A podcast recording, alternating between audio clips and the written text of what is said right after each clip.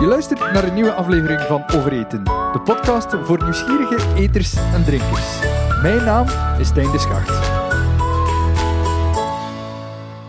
Welkom bij een nieuwe aflevering van Overeten. Uh, deze dame is het schoolvoorbeeld van je passie voor eten om te zetten naar een job. Ze is freelance journaliste en styliste voor tal van kookboeken en magazines, maar ook haar eerste stappen in de wereld van schrijven en stylen blijft ze trouw.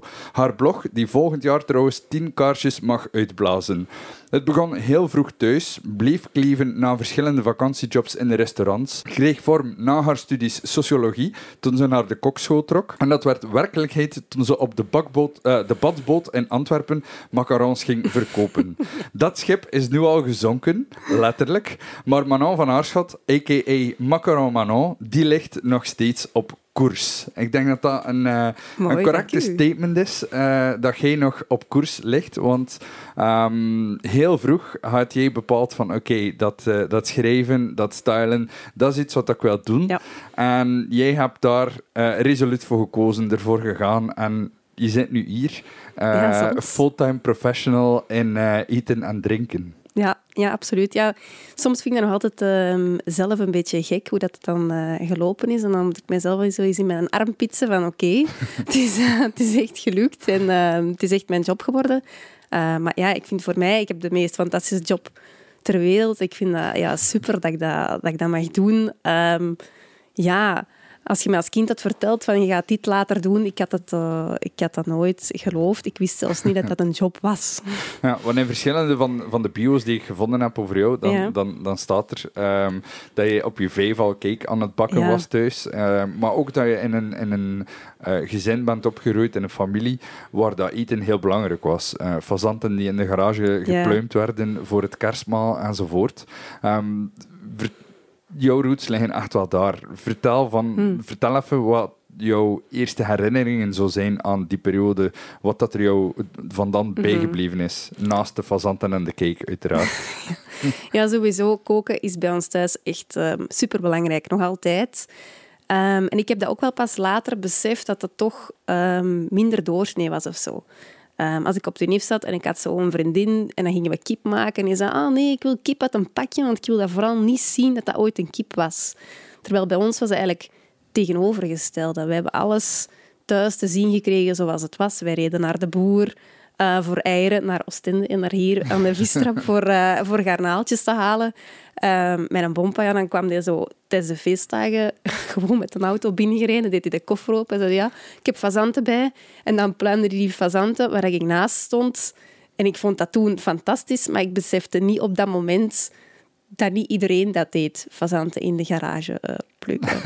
en dan besef je op zo'n moment natuurlijk ook niet dat dat een, een bepaalde basis zet voor jou. Hè? Nee, sowieso niet. Um, ik heb pas later ja, doorgaat dat ook mijn bompa met die, die basis en die passie voor, uh, voor het koken heeft meegegeven. Um, en dat dat eigenlijk bij ons thuis er bij iedereen wel min of meer in zit. Um, dus eigenlijk in heel jouw familie, als daar iemand over de vloer komt, gaan ze goed eten?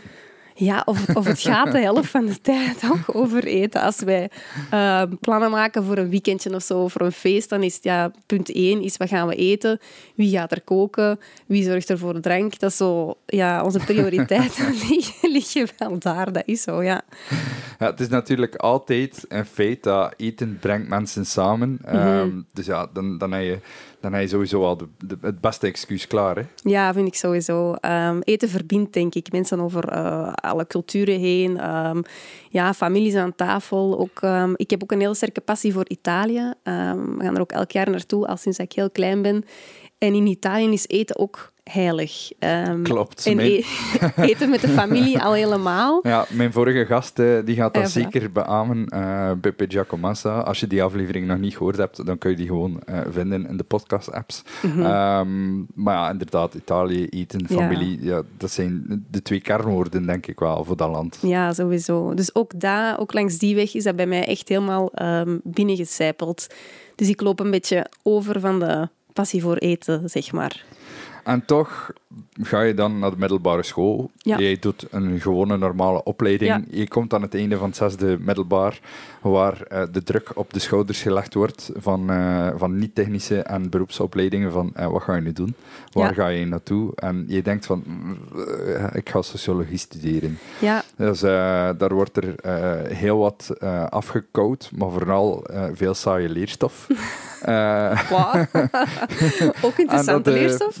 Absoluut. Eh, die paar lessen sociologie dat ik zelf meekreeg, eh, vond ik ook wel leuk. Maar is niet helemaal jouw passie achterna gaan. eh. Dat is een beetje dubbel. Ehm, ik zal zeggen, ik heb als student, sinds ik 15 ben, heb ik ja, studentenwerk in de horeca gedaan. Dus ook daar nog eens een keer een nieuw ehm, zaadje voor, voor die culinaire passie. Ehm, maar ik ben ook heel erg geïnteresseerd door wat mensen boeit en bezighoudt. Dus ik wist wel vrij snel dat ik sociologie wou doen. Ehm, anderzijds wist ik niet dat hetgeen dat ik nu doe, dat dat een job is. Omdat ik van thuis uit, ja, werd er wel verondersteld dat ik eh, naar de universiteit zou gaan. dus, en ik heb daar toen... Ja, ik heb wel die... En als je, als je dan zou zeggen van, eh, mm, ik ga dat niet doen, ik ga eh, proberen, eh, ja, dat kwam misschien niet echt in, in goede aarde. Dat was niet zo evident. Ik zal niet zeggen dat dat niet ondersteund werd, maar dat was zo van, ja, leg toch maar eerst een basis voor iets anders, vooraleer dat je die, die passie nog meer, ehm, ja, nog meer voedt, zeg maar. Maar ik zal zeggen, in mijn eerste jaar UNIF, ik had niet zoveel les. Het maximum dat ik ooit les heb gehad is 17 uur op een week. Dus als, ik ben nu zelfstandige en ik heb dagen die soms een paar uur minder zijn dan die 17 uur. Ehm, dus ik had eigenlijk wel wat tijd. En ik was zo, ja, op zich, ik ben altijd graag bezig geweest in mijn eigen wereld en zo koken en dingen uitproberen. Ehm, en we hadden zo, ja, in het eerste jaar heb je zo iemand die je begeleidt en die dan vraagt, eh, vind je dat je de juiste keuze hebt gemaakt? Wat wilt je nog meer? En ik zei toen, ja, zeg, ik vind het heel interessant, zeg, maar ik ga ook een hobby zoeken. Ja, als je toch tijd over hebt. Ja, en die moest daar mee lachen, maar die was ook zo van, ja, huh? Ehm, en ik heb mij toen eigenlijk vrij snel, ik heb dan die horecajob ben ik blijven doen en ik heb mij vrij snel ook ingeschreven voor de kokschool te doen in, in, eh, in avondonderwijs. Wat te combineren. Tijdens jouw opleiding. Ja, tijdens mijn Ja. opleiding, ja. Oké, en dan, dan had je zoiets van... ehm, ik heb hier eh, voor de rest niks te doen. Ik ga ongeveer elke eh, video die er toen op het internet te vinden was, gaan kijken en Ja. leren en in jou op, op kot gaan experimenteren. Ja, ehm, dus wij woonden, ik woonde thuis, ben niet op kot gegaan. ehm, maar ik had zo ja, een, ja, moet dat zeggen, een appartementje op een tussenverdiep. Dus wel om mijn eigen ding te doen. Ik was heel veel alleen thuis. Ehm, maar ik keek wel echt, toen was dat nog niet zozeer op internet, maar vooral op tv, echt elk kookprogramma dat er was. En dat was in Dus de de, periode... de Naked Chef kon je die reeksen Ja. van achter tot voor Ja, eh, mee. Ja, mijn zus werd daar knettergek van. Maar knetter, want toen was ja, tv was gewoon live. Hè, of je moest zo op video's, die moesten opgenomen zijn. En je kon niet, we hadden ook maar één tv. Je kon niet zeggen, ah, ik kijk nog wel even een aflevering op de laptop. Dat was zo niet. Ehm, dus ik claimde gewoon altijd de tv om naar Jamie Oliver en Donna Hay en zo te kijken. Ehm, en ik had dat van die zwarte boekjes, ik heb die nog altijd. Dus ik schreef heel de tijd gewoon ehm, allerlei dingen op. Zoals allerlei dit dus. Zo, exact zo, ja. exact zo. Gewoon met dingen die je niet leert uit een kookboek zelf. Ehm, maar zo, ja, echt tips van, ja, als ik nu daar ehm, een beetje van dat bij doe, of als ik die bereiding zo aanpas, dan lukt het beter. Ehm, en ik heb toch wel ja, zo nog beter leren koken, denk ik. Door de opleiding of door het televisiegebeuren? Door de twee. Ik denk dat de opleiding vooral was in, ehm, voor een basis voor technieken en zo. Ehm, ik had wel veel van thuis uit meegekregen, maar echt ja, snijtechnieken of een goede fond maken of dat soort dingen ehm, vond ik heel interessant. Maar niet zozeer het experimenteren of je eigen ding doen of intuïtief koken. Ja. Ik denk dat dat iets is waarbij die programma's geholpen hebben, maar uiteindelijk heb ik dat geleerd door gewoon veel te doen. Ja, dat, maar het is wel zo dat die dingen elkaar kunnen versterken. Als je Mhm. inderdaad aan de ene kant eh, die, die basis hebt van hoe moet je een fond maken, ja, je kunt wel dingen doen die erop lijken, maar als je niet weet wat dat je nodig hebt om een, om een goede eh, bouillon te maken, ja. Ja. dan sta je dat wel. Ja, voilà. Dus, eh, Ehm, ja, en tijdens de NIF, ik vond het heel leuk om voor mijn medestudenten te koken. dus, en die vonden dat ook niet zo erg. ja, dat is plezant natuurlijk. Weer al dat, dat Ja. eten die mensen samenbrengt. En als ik terugkijk naar mijn eigen studententijd, ja, Mhm. dat was dat ofwel eh, op restaurant gaan, dat was duur, dus dat ging niet altijd, ofwel iets goedkoop eh, eten. Mhm. Dus eh, ja, als je dan iemand hebt in je directe omgeving die goed kan koken Mhm. en dat graag doet en dat leuk vindt, ja, bonus. Ja, super tof. ik vond dat ook heel leuk om te doen. Ehm, ja, en ik moet zeggen ook, ik heb zowel mijn richting sociologie wel geduwd in de culinaire richting. Want ik wist wel, ik wil schrijven, ik wil journalistiek doen, ik wil dat liefst van al over eten. Ehm, dus ik heb mijn thesis dan geschreven over de invloed eh, van kookprogramma's op genderbeleving. Dat eh, klinkt als een eh, serieuze boterham, zo'n Dat titel. klinkt zo, ja. Ehm, maar ergens ook niet verwonderlijk als je dan eh, al, al de aanloop daar naartoe bekijkt. Ja, Maar je Ja. gaat wel even moeten zeggen, wat is zo de, de samenvatting van zo'n thesis? Wat, wat is het effect van die kookprogramma's? Ja, ehm, het klinkt ingewikkelder dan het is. Toen was het, dat is de periode 2007, 2011. En dat is eigenlijk het moment dat kookprogramma's echt mega booming waren. Ehm, en dat die, ja, de programma's van Donna Hay, Jamie Oliver, dat die ook naar ons toe kwamen. Eh, en ook dat wij Jeroen Meus kregen in dagelijkse kost. Ehm, en dat er dan Jam TV, alles, alles startte, zo, de culinaire wereld op tv. En ik ben eigenlijk gaan kijken naar welke invloed dat die programma's hadden op, ehm, of, allee, op de manier waarop mensen dan thuis gingen koken. En of dat er effectief meer mannen thuis gingen koken voor, ehm, ja, ik zal zeggen, als huishoudelijke taak. Het dagdagelijkse. Niet zozeer als chef, maar eerder de zorgende rol. Ja, de gewone man die na het werk thuiskomt en voor Ja. vrouw en kinderen gaat koken. Ja, In plaats van het verwachte vrouw die voor de familie voilà. kookt. Ja. En wat was, eh, de samenvat- wat was de conclusie dan? De conclusie was dat mannen ehm, wel meer zijn gaan koken, maar vooral toen, en dat is intussen tien jaar terug, ehm, Meer zelfs, Meer, 14. ja, meer. Ja, de tijd vliegt. Ehm, ja, dat ze vooral koken voor feestjes, niet zozeer, voor, eh, niet zozeer als dagdagelijkse bezigheid. En dat we mannen meer associëren als chef, als, eh, waarbij dat chef zijn een beroep is en niet zozeer de zorgende rol. Ehm, maar wat je anderzijds ook wel zag toen, ik heb toen cijfers van eh kokscholen in België opgevraagd.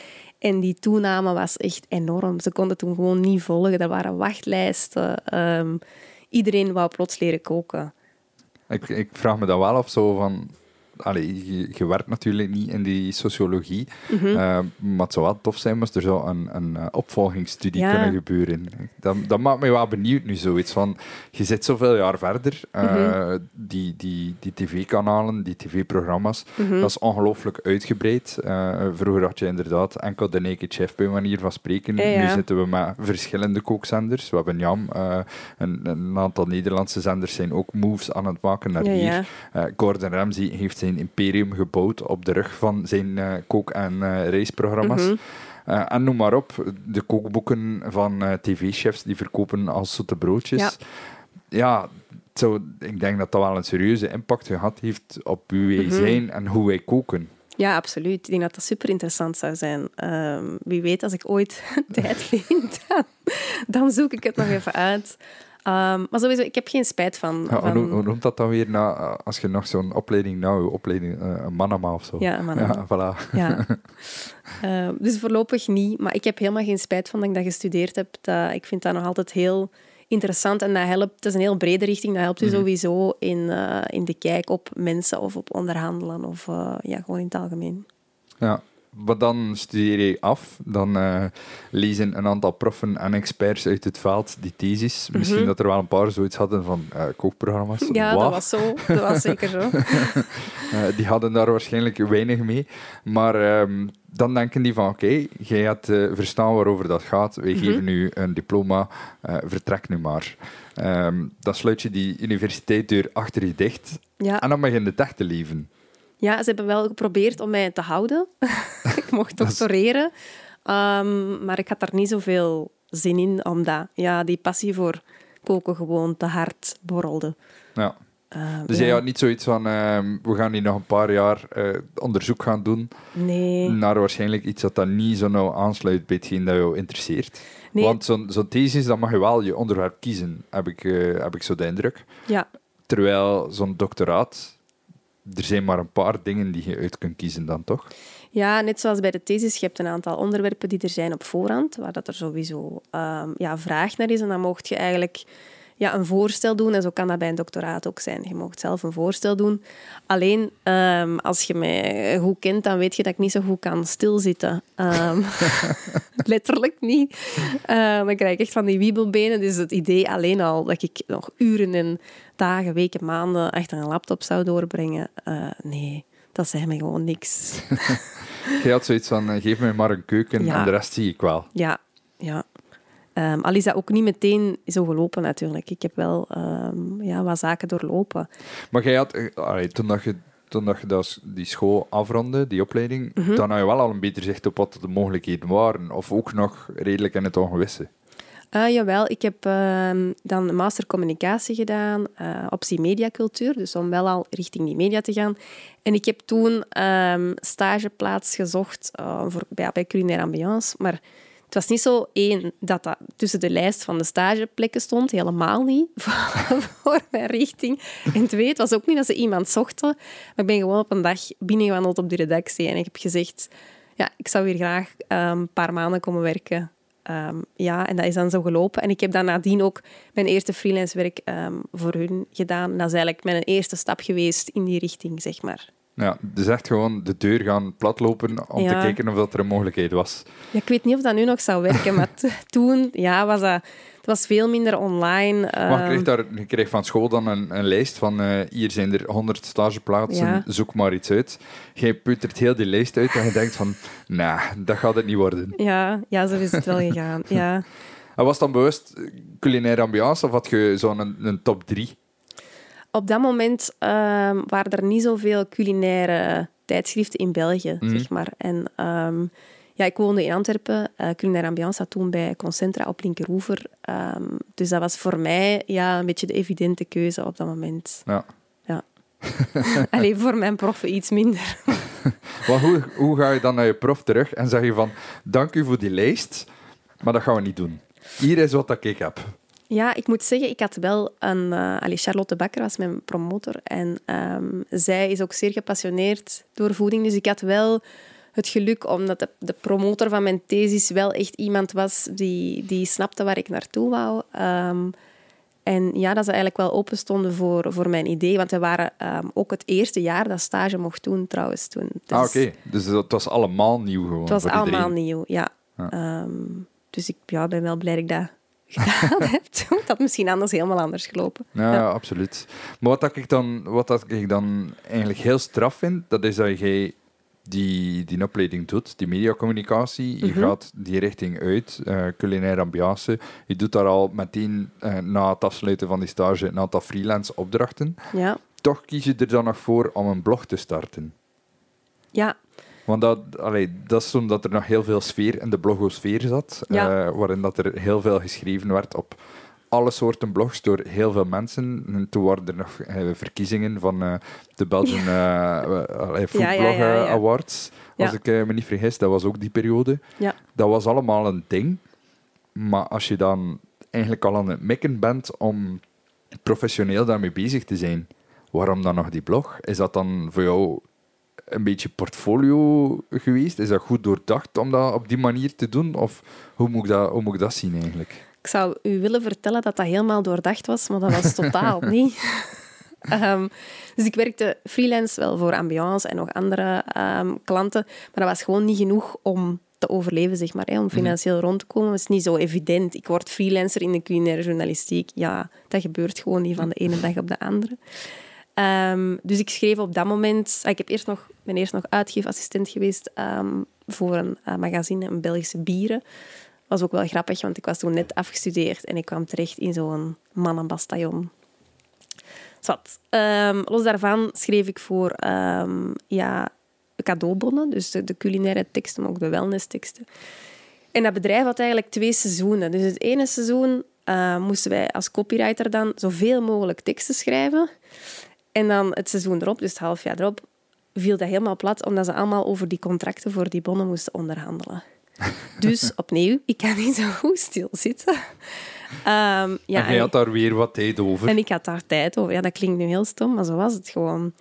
Um, en ik wou wel iets nuttig doen. je kunt zo zeggen, oké, okay, we, doen, we ruimen hier de kasten wat op. En uh, op de duur, ja, iedereen had zoiets, ja, wat, wat, gaan we hier doen? En ik ben dan Ehm, ik had toen ook een collega die ook heel erg van, eh, van eten hield. En zij zei dus, en hier komt het badbootverhaal. zij zei op een dag van ja, er is een marktje dit weekend op de badboot. Dat was een, uh, een drijvend zwembad in de dokken uh, van Antwerpen. En uh, ja, ik ga daar uh, staan, ik ga wat cakejes verkopen en zo, aangezien ehm, jij ook toch graag bakt. Misschien wilt je er ook wel op gaan staan. Uh, wilt je niet meedoen met mij? Dus ik zeg, ah ja, dat is leuk. En op dat moment, um, ja, ik had als student gewerkt in een Frans restaurant, um, waar de chef altijd macarons maakte voor bij de koffie. En ik telkens, uh, ik moest die macarons dan samenstellen, dus de confituur ertussen dicht doen. En ik proefde er dan wat veel van. Um, en de chef noemde mij op de duur Macaron Manon. en toen ik op de badboot moest gaan staan, zei ze, ja, je hebt toch al een naam voor je kraampje? Ik denk, huh, nee. Um, dus ik heb gewoon echt zo'n papier afgedrukt en ik heb daar zo gewoon echt heel stom met zo'n alcoholstift Macaron Manon opgeschreven en dat plakte dan op mijn kraampje. Um, dus zo doordacht was het niet. maar ik vind het wel heel cool, want uh, ik ben iemand die houdt van het, van het DIY-principe. Mm -hmm. uh, do it yourself. Ja, dat is wel het summum van DIY. Je laat niet ja. een ander een, een, logo en een corporate identity uh, ontwikkelen voor wat hij doet. wel anders doen. ja, oké, okay, maar ja, je moet ergens beginnen en als je dat Ja. zelf doet. Ja, dat is misschien wel iets dat ik in de loop der jaren geleerd heb van als je iets wilt en ja, je kunt er zo over blijven nadenken. Soms is het gewoon beter om het gewoon te doen en te zien waar dat je uitkomt. Soms is het beter van iets half te doen dan het helemaal niet ja, te doen. toch? Ik vind dat Dus als dat dan een, een, uh, een veldstift op een blad papier is, is beter dan niks. Voilà. En de naam is blijven plakken, dus het moet aan gewerkt Ja. aan die dag. Ja, dat was echt... Ik was direct uitverkocht, zo superleuk. Dus er wordt dan ook macarons dat je gemaakt had, uh, of Ja. worden nog andere dingen ook? Ja, ik had vooral macarons gemaakt, ja. Met het recept van de chef. Ja. ja, toch met alle tips van de chef die in mijn zwarte boekjes stonden. Uh, ja, toch wel. Dus dat was superleuk om te doen. Maar ik wist ook wel, ja, zo op, een marktje staan was dan toch ook weer niet helemaal mijn ding. Um, maar ik dacht, ik begin gewoon een website. We gingen op dat moment ook was met mijn man, nu mijn man, toen mijn lief, uh, heel veel aan het reizen. En mensen vroegen dan zo wel tips. En ja, Instagram, dat, dat was toen gewoon niet. Dus dat, ja, dat is pas later dat is pas gekomen, hè? later gekomen. Ja. Uh, en bloggen was inderdaad toen wel een ding. En ik heb toen gewoon gedacht, weet je, ik begin een blog. En ik zwier er de dingen op die ik zelf wil.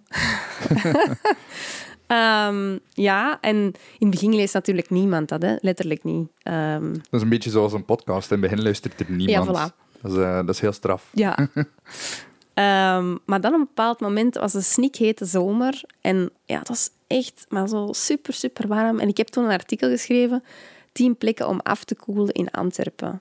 En Facebook, bestond wel al. En ik heb dat toen gedeeld. En dat is toen echt ja, viraal gegaan, gelijk wat we dan noemen. Um, en dat was zo het begin van... Oké, ik kan hier eigenlijk misschien wel iets mee doen of wel mensen mee bereiken. Um, en dan ja, ben ik blijven bloggen. En dat, dat, dat heeft duidelijk gepakt. Ja. Um, je doet het nog wel iets, iets, uh, iets minder frequent, heb ik ja, de indruk. Ja, sowieso. Um, waarschijnlijk omdat je workload nu heel anders verdeeld ligt dan toen. Ja. Als je tijd genoeg had uh, bij Bongo om tijdens het werk uh, blogjes te schrijven, ja, dan is dat nu duidelijk anders. Um, maar ik heb wel de indruk op, op die, uh, op die eerste uh, foto's en, en noem maar op, die teksten, mm -hmm. dat je daar eigenlijk heel snel evolutie in maakte ook. De ah. manier van schrijven, de manier van fotograferen. Um, als ik dan keek op jouw blog, mm -hmm. dan staan er ook een paar uh, mijlpalen posts die je heel makkelijk kan, uh, ah, kan ja? terugvinden. Okay. Zo van, de blog is één jaar, de blog is twee ah, jaar. Ja. En dan keek je even terug op alles. Ja, is dat iets wat je nog altijd doet, zo terugkijken op de dingen? Ja, dat wel, maar volgens mij ben ik wel gestopt met de post. De blog is zoveel jaar. Volgend jaar moet, ik dat misschien wel doen, na tien jaar. Um, Klopt, maar het zou wel een, ander, een aantal andere highlights testen. Ja, um, maar ik vind het wel tof om terug te kijken. Ja, um, en sowieso, ik heb mij wel toen, op dat moment dat ik door had van ja, ik vind dit wel leuk en ik kan er mensen mee bereiken, heb ik mij wel ja, echt gesmeten om dat ook goed te doen. Ik wilde dat dan ook echt te goed doen en ook mijn fotografie en zo wel echt verbeteren. Ja, in het begin is dat echt nog zo van dank u aan die, dank u aan die om mij tips te geven. Om mij...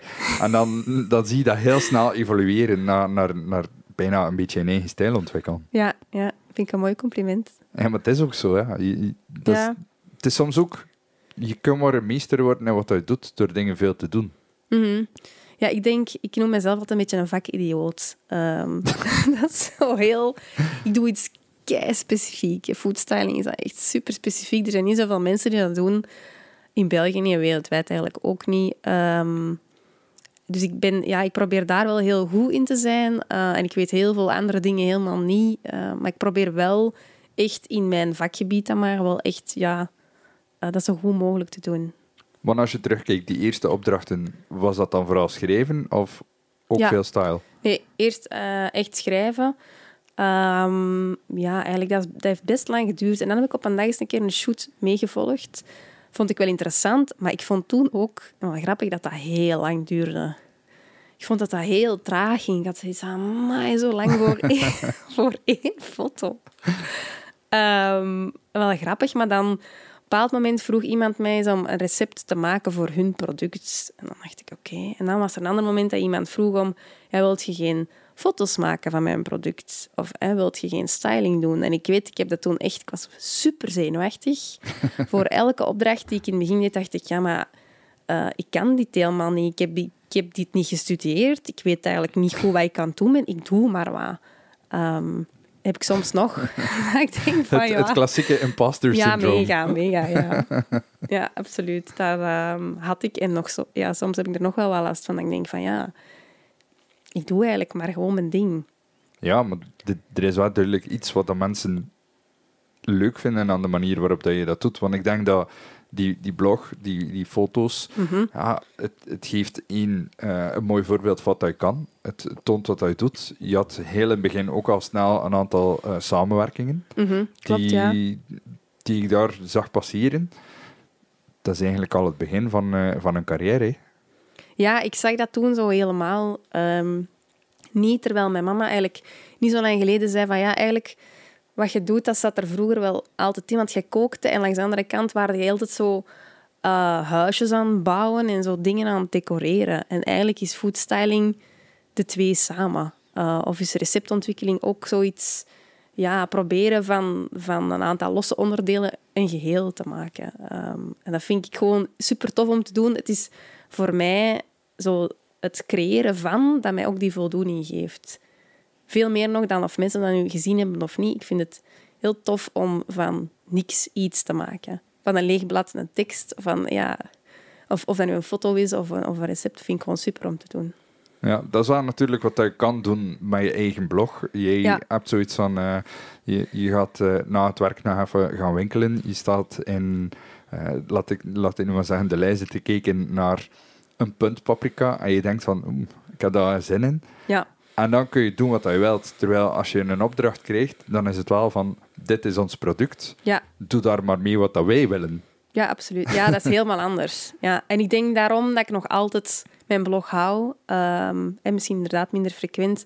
Maar ik vind het wel leuk om gewoon soms zonder spelregels ehm, iets te doen. Of aan mijn blog of Instagram. Omdat een opdrachtgever is ja één, bijvoorbeeld dat zijn dan maak acht kiesjes. eh, en je stel, ik stel dan recepten voor. Maar dan moeten die kiesjes ook nog passen binnen een bepaald moodboard, in een bepaald seizoen. Ehm, Soms ja. moet je ze maken buiten het seizoen. ja, heel vaak. ja, Want dat, eh, dat heb ik ook geleerd. Jij, jij werkt ook af en toe eh, voor Libelle Lekker. ja. Daar zijn ze maanden op voorhand al bezig Ja. met producten te maken, foto's te, te, te shooten. En dan heb je soms nog geen product voor het seizoen waarin dat het zou moeten zijn. Dus ik vind dat wel straf dat je dat dan, dan kan en doet. Ja, ja, klopt. Ja, Libel Lekker is mijn grootste klant, zeg maar. Ehm, en ja, daar wordt gewoon heel veel op voorhand gewerkt, wat wel comfortabel is naar deadlines en zo toe, maar niet altijd ideaal ehm, om asperges te vinden of kalkoen te vinden als ze eigenlijk niet te vinden zijn. Nu, intussen, ik heb er wel trucjes voor. Hè. ja, Ehm, het, het zou raar zijn moest je na, ja. na zoveel jaar nog niet weten waar dat je dan Ja. een beetje kan, kan mee spelen. Ehm, maar ik vind dat wel straf. Dat, dat zijn allemaal dingen dat je niet weet als je erin duikt. Hè. nee, nee, dat klopt. Daar heb je echt dus geen dus idee dan van. snap ik wel dat je die eerste opdracht ziet van ja, we hebben een shoot nodig met, eh, neem nu maar kalkoen in, eh, in augustus. En je denkt van, hè? Ja, dat was echt paniek. Want het was ook wel, dat is wel eens gebeurd, zo kalkoen in augustus. Ehm, ja, en er zijn dan geen kalkoenen. Die worden ook gewoon niet geslacht. Intussen, via via, weet ik, ofwel um, koopt je Mechelse koekoek, ofwel vraagt je aan slager of hij toch aan een kalkoen kan geraken. En dan is die meestal niet echt um, eetbaar voor consumptie, maar wel mooi voor op de foto. En dat zijn twee verschillende dingen um, die ik soms wel lastig vind. Maar ik zal zeggen, met kerstmis kunnen daar gewoon niet omheen. Um, ja, mensen willen kalkoen. Klopt, ja. ja. Uh, en andere, andere periodes ook andere dingen. Hè. Ik bedoel, de, de asperges, de witte asperges, ja. dat is maar een heel kleine periode van het jaar. Ja. Als je in december moet beginnen nadenken over een fotoreportage, ja, ja good luck finding witte asperges. Ja, dat zit standaard in mijn diepvries. en ik heb, ik heb ook wel wat contacten in, uh, in Nederland, waar ze in de Ceres al veel eerder asperges um, telen. En dan kan ik die toch al uh, half februari uh, vastkrijgen. Maar dat is wel een, heel, een hele procedure. En dan probeer ik ook alle aspergeshoots voor iedereen te bundelen. Um, zodat ik die heb. Maar ja, dat, is, ja, dat is iets waar mensen helemaal niet over nadenken. Maar het is wel gewoon zo. Ja.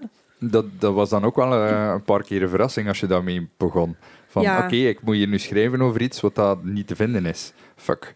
Wa. Waar ga je dan naartoe? Ga je dan letterlijk elke slager in de buurt gaan wel. aflopen? En... Ja, intussen telefoneer ik. Dat is, dat is, veel gemakkelijker. Ja, dat is echt... Vroeger reed ik zo rond en nu ik bel gewoon overal naartoe. Nogthans, de telefoon is toch al vrij vroeg uitgevonden. Ja, dat is zo... Ja, in het begin... Wil, ik denk dat je wilt dat zo goed doen. En je denkt, ja, ik zal er maar maar rondrijden en daar kijken. En dat wel, ja, dat is gewoon veel gemakkelijker. Um, ik ken ook heel veel mensen uh, in winkels, um, ja, producenten. En dat maakt het iets gemakkelijker om overal aan te geraken. Maar als je begint, heb je gewoon geen connecties. En er is geen handleiding hoe word ik foodstylist of zo. Nee, nee, maar dat snap ik wel. Dat is echt dan... Allee, dat heeft wel zijn voordeel, denk ik. Omdat je door dat aflopen, dan zie je ook effectief hoe een bepaalde winkel eruit ziet, wat voor vakken is dat die mensen mm -hmm. hebben, wie die persoon is die daar in die zaak staat. Ja. Dat je misschien wel wat minder hebt als je, als je aan iemand telefoneert. Ja, sowieso. Je, ja, je bouwt gewoon een betere connectie op. Um. Allee, ik snap nu wel bijvoorbeeld als je uh, in Antwerpen zit en je, je wil weten of dat er uh, garnalen zijn in Oostende. Ja, als, als, allee, dat je misschien niet per se uh, vlug naar Oostende komt rijden om nee. dat te checken, dat snap ik nu ergens wel. Mm -hmm. Maar um, ja, allee, in het begin dat je de slagers in de buurt afloopt, aan zich is dat niet zo erg, aangezien dat je toch tijd over had. Ja, het voordeel is nu dat, dat ik die ook ken en dat die ook weten van oké, okay, als ik dat stuk vlees of zo wil, dan snappen die ook waar ik naartoe wil. In het begin krijg je ook niet uitgelegd, ja, ik wil dat het er zo uitziet, want dat moet op de foto, of ik wil dat twee keer, want als het dan niet mislukt, dan wil ik dat nog eens kunnen doen. Ja, dat zijn dingen... Ja, in het begin koopt je één courgette en nu weet ik dat ik er minstens twee moet hebben, sowieso. Um, dat lijkt me nog altijd weinig, twee. Ja, leert ook wel, je kunt jezelf wel een beetje inschatten ja. um, op den deur. Maar ook dat is allemaal uh, ja, oefening. Um, en ook ja, de planning daar naartoe en zoveel boodschappen doen. Intussen weet ik, ik kan echt in de supermarkt, exact, ik ben zo degene, als mensen in de winkel iets aan het zoeken zijn, dan zeg ik, ah, wat zoekt u? Ah, dat ligt ginder. Omdat ik moet, ik moet zoveel boodschappen doen, dat is echt extreem. Um, ja, als ik tien gerechten, acht à tien gerechten op een dag en dan drie shoots per week. Ja, dat zijn er heel veel en zijn ook heel veel boodschappen. Dus ik ken, ja, dat is de enige plek waar ik mijn weg ken, is in de supermarkt. Ik vind dat ergens wel straf dat je niet gewoon met pakweg een, een grossier werkt. Ja, ik heb dat wel eens geprobeerd. Alleen het um, verschil is denk ik met, met horeca of zo, dat bijvoorbeeld bepaalde dingen zijn er dan niet en in je restaurant past je menu dan aan. Maar als mijn klant asperges wil en die zijn er niet, ja, dan moet ik iets zoeken dat daarop lijkt.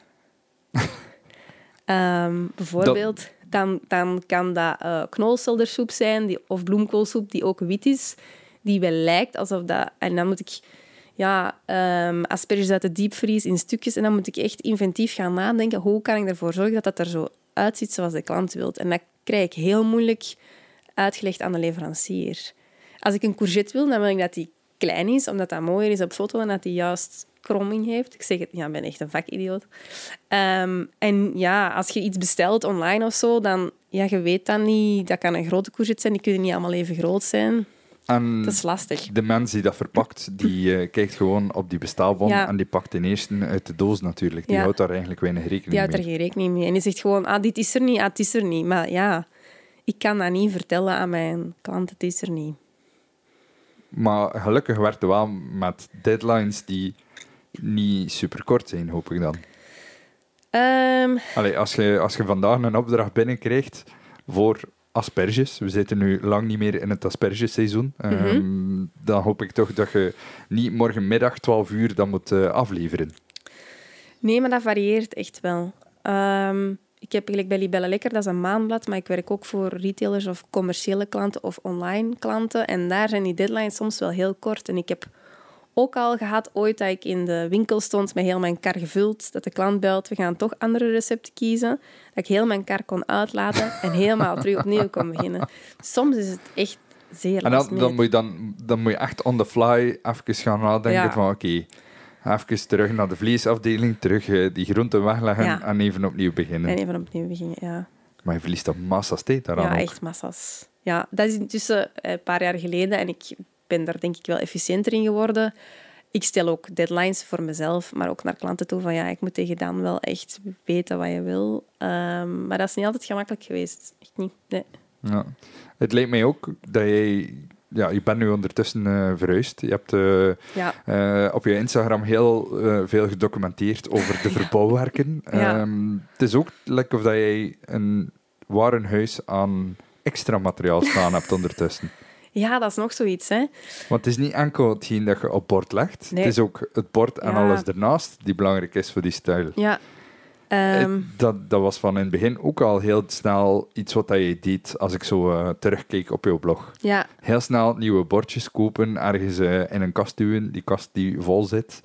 Nog een kast zoeken, nog eens verhuizen en nog eens verhuizen. Ja, echt. een droomkeuken bouwen, dan eh, nog eens verhuizen, een nieuwe Ja. droomkeuken bouwen. Ja. ja, dat is eigenlijk echt zot. Ehm, ik vind dat, soms voelt dat wel een beetje raar. Ehm, moet ik eerlijk zeggen, dat ik dat materialistisch vind. En langs de andere kant is dat wel gewoon een deel van de job. Ehm, ik zal zeggen, in het begin ging ik heel veel dingen uitlenen. ehm, maar dan merkte ik al snel van ja, de tijd die ik verlies met telkens die borden te gaan uitlenen, ja, kan ik ze eigenlijk beter gewoon ehm, kopen, zodat ik ze in mijn voorraad heb. Maar in het begin heb je niks op voorraad. En dan wil de klant dan zegt ja, ik wil dat op een roze ondergrond. Of ik wil grijze houten planken. Dat klinkt simpel, niet als je dat een week op voorhand weet. En ook niet als je echt geen idee hebt hoe dat je eraan moet beginnen. Dus ik, ik ben echt zo in het begin... Ja, dan ging ik naar eh, een houtwinkel. Dan kocht ik de houten planken. En dan mocht ik de schilderen in de, in de living. En dat soms nog altijd wel, maar veel minder. Omdat ik heb heel veel planken, allee, planken stenen, heel veel borden staan waar dat ik mee weg kan. Die heb je nu staan, dus eh, dan, dan kun je gewoon opnieuw eh, in Ja. jouw eigen bibliotheek bijna gaan Ja. Ehm, soms gebeurt dat wel eens iets, dat is een heel extreme kleur dat ik dan niet heb liggen, of tegeltjes of zo. Maar dat is zelden nog. En dat maakt wel dat alles de laatste jaren wel rustiger geworden is. Daarvoor was ik echt, ja, soms gelijk een kip zonder kop aan het rondrijden. dacht ik, oh, nog groene tegels, waar zijn die? En, ja. Dat betekent ook dat je man er sowieso mee moet akkoord gaan dat jullie ergens een grote kelder eh, bij elk huis hebben. Ja, dat is echt... Ja, toen wij, toen wij gingen samenwonen, wij woonden op een heel klein appartementje in Antwerpen Centrum. Ehm 47 vierkante meter, is mijn echt een klein keukentje. En wij reisden heel veel, maar zo, ja, eh, we hadden ook het budget niet om groot te wonen. Dus dat was echt wel super beperkt. En dan zijn we verhuisd naar een appartement dat ik dacht, ja, dat gaat, ik ga hier wel plaats genoeg hebben, maar mijn, mijn job is vrij snel ehm, ja, explosief toegenomen in materiaal. Ehm, dus dat was ook niet zo evident, omdat ja, wij wilden nu echt wel een plek waar dat mijn job een deel van de woning kon zijn, maar niet dat ik alles eh inpalmde, eh, want dat werd gewoon een beetje te veel. Dat was op duur woonden wij in een fotostudio met bakken aan borden en stenen, tegels, Maar dat is, ook wel, dat is ook wel een teken dat jouw job goed doet en dat, dat het groeit. Want anders Ja, zou je dat materiaal niet nodig hebben. Ja, ja, ja, dat wel. Ja, dus ik ben super blij dat dat, dat dat zo gelukt is. Alleen, ja, soms moet je zo ehm, naar jezelf. Ik denk dat het een groot verschil is. Ik keek in het begin naar mezelf als freelancer, als zelfstandige. En op een bepaald moment moet je wel schakelen naar, oké, eh, mijn boekhoudster zei toen ook van, je moet wel beginnen denken als een onderneming. Van, het is oké omdat je keuken meer plek zal innemen, omdat je daar nu eenmaal ook zoveel uren in spendeert. Um, aan de andere kant, de buren waar wij nu wonen zeiden, hoe twee keukens, waarom ga je in twee keukens zetten? En ik heb dan geantwoord, zeg, ja, maar als ik nu een café zou hebben of een massagesalon, dan doe toch ook niet in je eigen living. maar dat, is een hele goede opmerking eigenlijk. Ja, maar dat is, dat is soms wel... Dan denken mensen van, ja, maar waarom is dat nodig? Ja, omdat, dan denk ik, ja, je mocht eens komen kijken, omdat dat gewoon heel veel materiaal en rommel met zich meebrengt. Uh, ik heb gisteren, denk ik, mijn uh, post van mijn kelder gedeeld, vol um, plastic bakken met allemaal materiaal. Ja, daar komt gewoon echt veel bij kijken. Um, dus ik vind het... Het is een heel idyllische job, maar langs de andere kant ook wel één met heel veel um, materiaal waarmee je moet rondsleuren. Ik vind het wel ergens een, een hele rake opmerking dat je zegt van ja, waarom twee keukens? Ja, er zijn heel veel horecazaken waar de, de eigenaars boven de zaak wonen. Mhm. die gaan ook niet naar beneden om, uh, om, om een krop monsieur te maken uh, nee, voilà. als, ze, als ze daar zin in hebben. Die doen dat ook gewoon in, in het woongedeelte. Ja, ik maar vind... dat zorgt er ook voor dat je dan anders moest kijken naar het ontwerp. Want ik geloof dat in het vorige huis had je jouw droomkeuken gezet. Ja. Dan ga je verhuizen, laat je die droomkeuken achter. Ja, met heel veel pijn nu, in het hart. Moet je dan nu twee keer nadenken over droomkeukens. Eén voor de privé en één voor het werk. Ja. Kijk je anders naar die twee keukens? Of is dat, is dat gewoon alle twee jou, maar de ene gewoon een beetje groter? Uh, nee, het is sowieso alle twee ik. Um, de ene is ook groter, maar vooral ja, um, praktischer, ik zal het zo zeggen. Van boven is eigenlijk ja, um, goed voor dagdagelijks koken. Ik heb nu tijdens de verbouwingen boven gekookt en mijn shoot daar ook daar gedaan. Maar dat is echt niet zo evident, want die ruimte was er gewoon niet. Als ik voor een shoot acht tot tien verschillende gerechten op een dag moet maken, dat zijn meestal acht keer voor twee personen, dus dan hè, 16 borden. Gewoon al om die borden ergens neer te zetten en dan soms nog de pot erbij of zo, ja, dan heb je wel wat plaats nodig. En licht. En licht. Maar dat is ook nog iets wat dat, dat erbij komt. Iets. Ja, ja, dus in ons uh, mini-appartementje was er bijna geen licht vroeger. Um, met als gevolg dat ik alle foto's op ons terrasje nam, waar ik zo de buren aan voorbij liepen. En met chronische sinusitis tot gevolg, echt waar. Um, maar dus toen wij ja, verhuisd zijn, hebben we echt heel hard gezocht um, naar een huis met veel licht sowieso, omdat we alle twee tof vinden. Maar ja, ook de keuken, um, de werkkeuken en de ruimte daarnaast moest wel genoeg daglicht zijn, omdat ik dat gewoon ook het fijnste vind om mee te werken.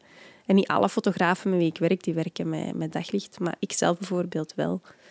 Wanneer je hebt ook wel die luxe dat je niet altijd alles zelf moet doen, ja. maar soms met andere fotografen of andere ja. stylisten samengezet wordt. Ja, klopt. Dat vind ik ook wel fijn. Um, want ik denk, oké, ik kan ook foto's maken, maar ik ben helemaal geen fotograaf. En ik vind dat fotografen een ding ook nog altijd veel beter doen dan ik. En ik vind het ook heel tof om samen te werken rond iets, om te pingpongen. Um, dat is gelijk ja, in een restaurantkeuken, denk ik ook, hè, om zo een beetje te sparren. Iedereen heeft zijn, wel zijn eigen ding, maar je werkt ook samen aan iets. Uh, dat vind ik wel leuk. Ja, en als het niet goed is, gaat het ook zijn.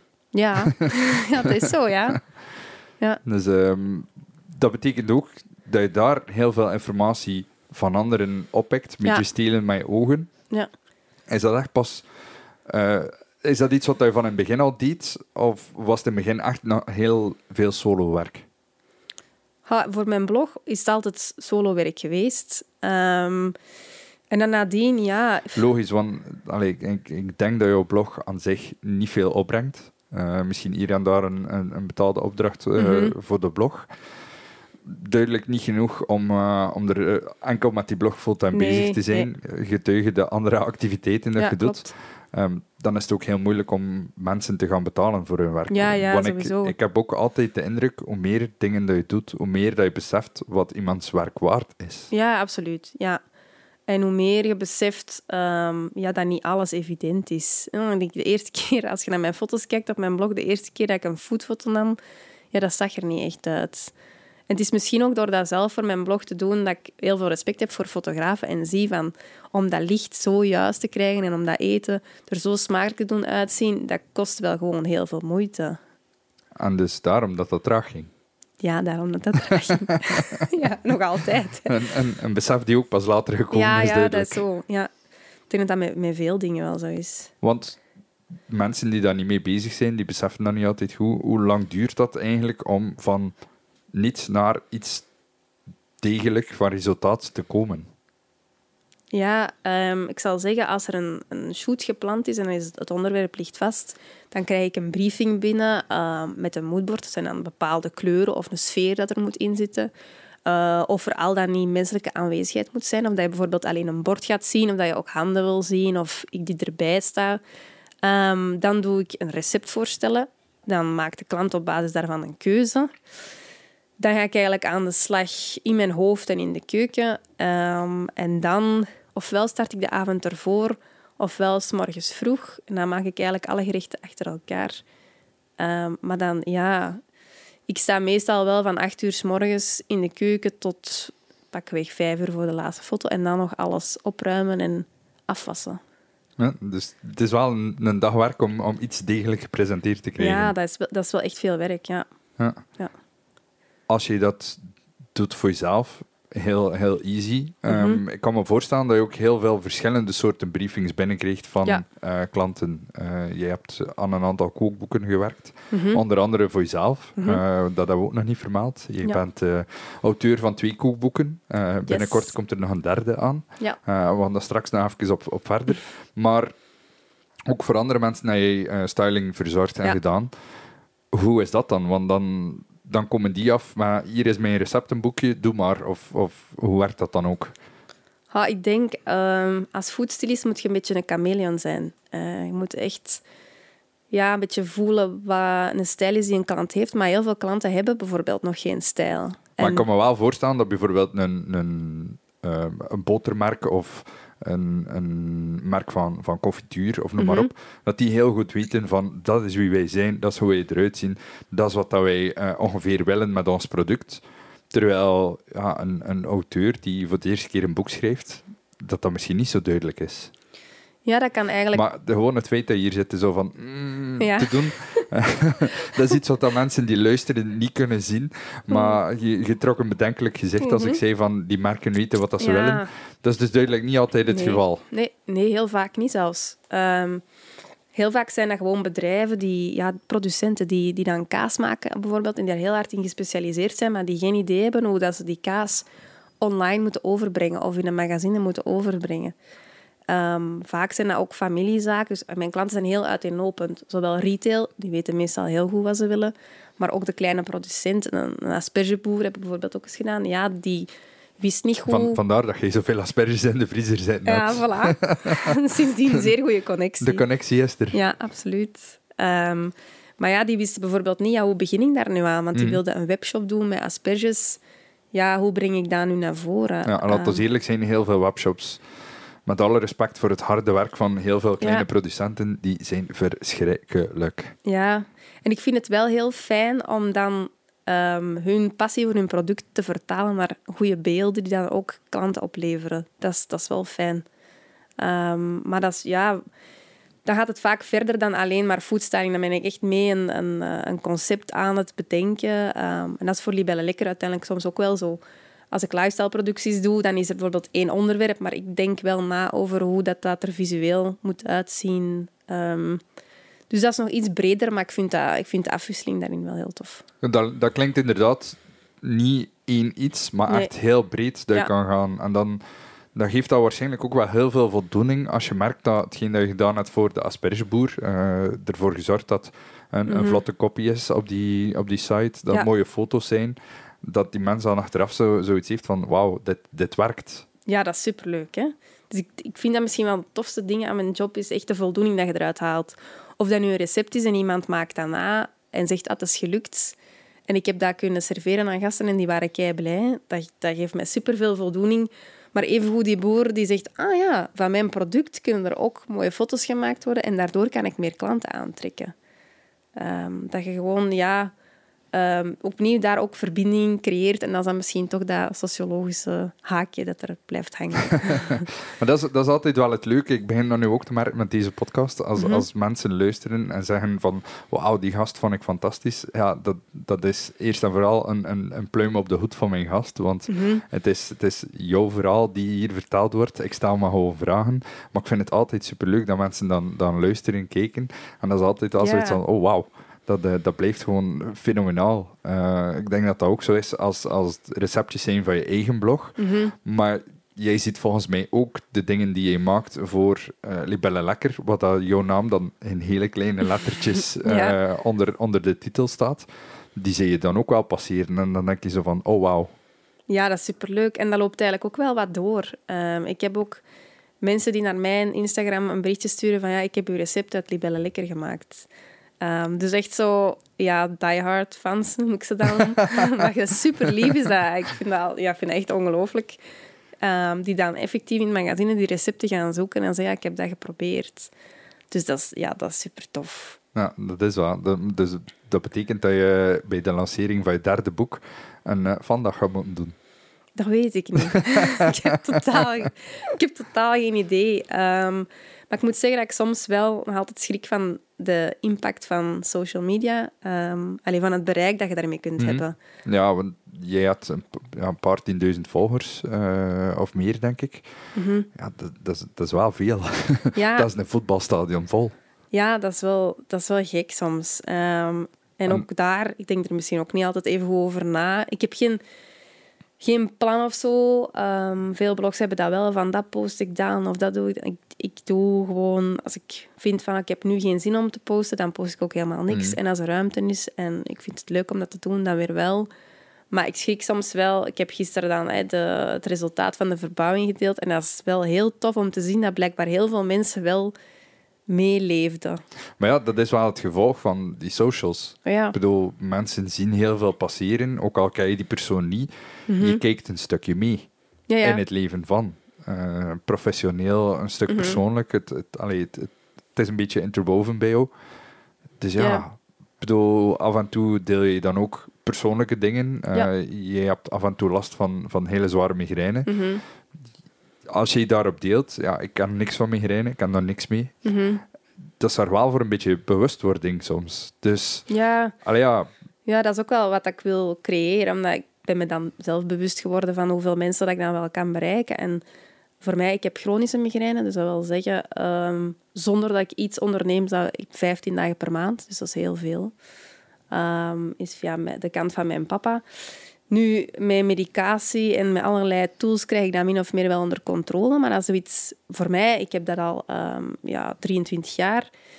En ik merkte gewoon, niemand praat er eigenlijk over. En veel mensen hebben dat wel. Ehm, dus ik denk dat social media dan ook ja, wel een, tool kan zijn om te zeggen van ja, oké, enerzijds, ik heb dan die blog en mijn carrière en dat loopt wel goed. Vind ik zelf ook, ben daar heel tevreden over. Maar anderzijds ja, loopt ook niet alles goed, zoals dat bij iedereen zo is. Eh, Instagram kan zo beeld geven van het perfecte leven. En ik wil ook wel gewoon de twee kanten laten zien. Van ja, nee, dat is zeker niet zo. En ja, ik heb ook een chronische ehm, aandoening waar ik niet onderuit kan.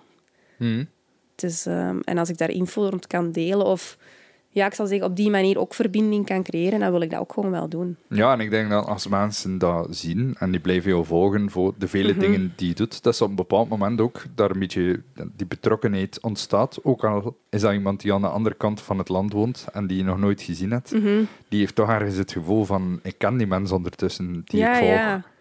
ja, dat is soms een beetje eng. Gelukkig sta je daar niet altijd bij stil dan. Nee, nee. Ehm, maar soms ja, kun je wel echt een connectie hebben met iemand die je totaal niet kent. Ehm, en ik heb best wel ook wat mensen die migraine hebben die mij volgen om te zien van ja, wat ik heb uitgeprobeerd of, of hoe het gaat. En die zich eh, ja, die op die manier ook wel willen verbinden. Want dat is iets... De meeste mensen met migraine proberen dat op, allee, voor zichzelf te houden en, en alleen te verwerken. Ehm, maar dat is gewoon wel iets dat heel zwaar is. Dus ik denk, ook daarin ehm, ja, kan je online community wel... Allee, kunnen elkaar wel sterk houden. De keerzijde van die social medaille is ook ja, dat het soms heel hard kan zijn. Ja. Ehm, Mensen die nemen geen filter eh, meer Mhm. voor zich. Die zien de persoon aan de andere kant van het eh, scherm niet. Mhm. Die houden daar ook geen rekening mee. Er zijn er al heel veel dingen over geschreven. Heb je dat dan ook al meegemaakt? Dat mensen soms heel grof en, en eh, fout uit de hoek kunnen komen? Ja, ik moet zeggen dat dat, dat is echt wel een minderheid. Ehm, maar maar dat komt wel, dat komt wel binnen. Ja, Ja. dat is wel zo. Eh, ik heb ooit zelfs een klant gehad die zei... eh, ik had dan uiteindelijk niks meer gehoord na een offerte. En dan zei hij... Ik had dan gevraagd, zeg, ja, waarom heb je niet geantwoord op mijn offerte? Ah ja, ik zag op social media dat je migraine had.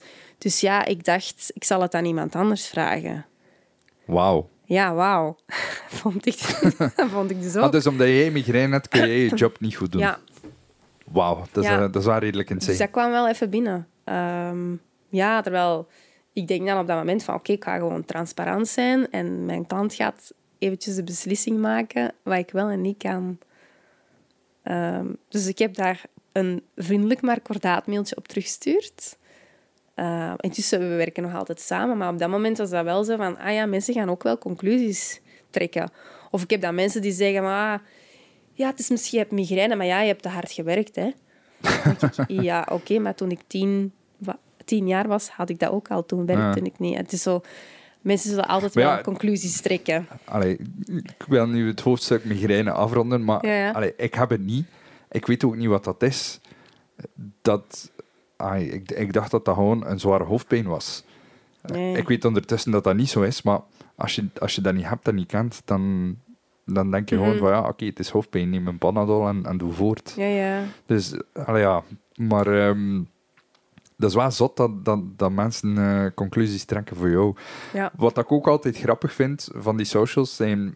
Er is zo'n website waar dat mensen... ehm, waar dat iemand de reacties van mensen verzamelt. Ja. Eh, bijvoorbeeld eh, een recept voor worteltaart, waar Mhm. dat dan iemand uit het publiek beslist om de wortel te vervangen Ah, ja. door, eh, door Ja, kool. En dan zoiets heeft van, deze taart, dit recept is kut, want de taart is niet lekker. Heb je zoiets ook al meegemaakt? ja, dat gebeurt ook. Ja, ehm, maar Mensen ook... die jouw recept niet volgen en dan jou de schuld geven. Ja, dat gebeurt wel. Van, ja, ik heb er wel maar de helft bloem in gebruikt, maar ja, mijn taart is nu wel niet gerezen. Ja, nee, eh, ja.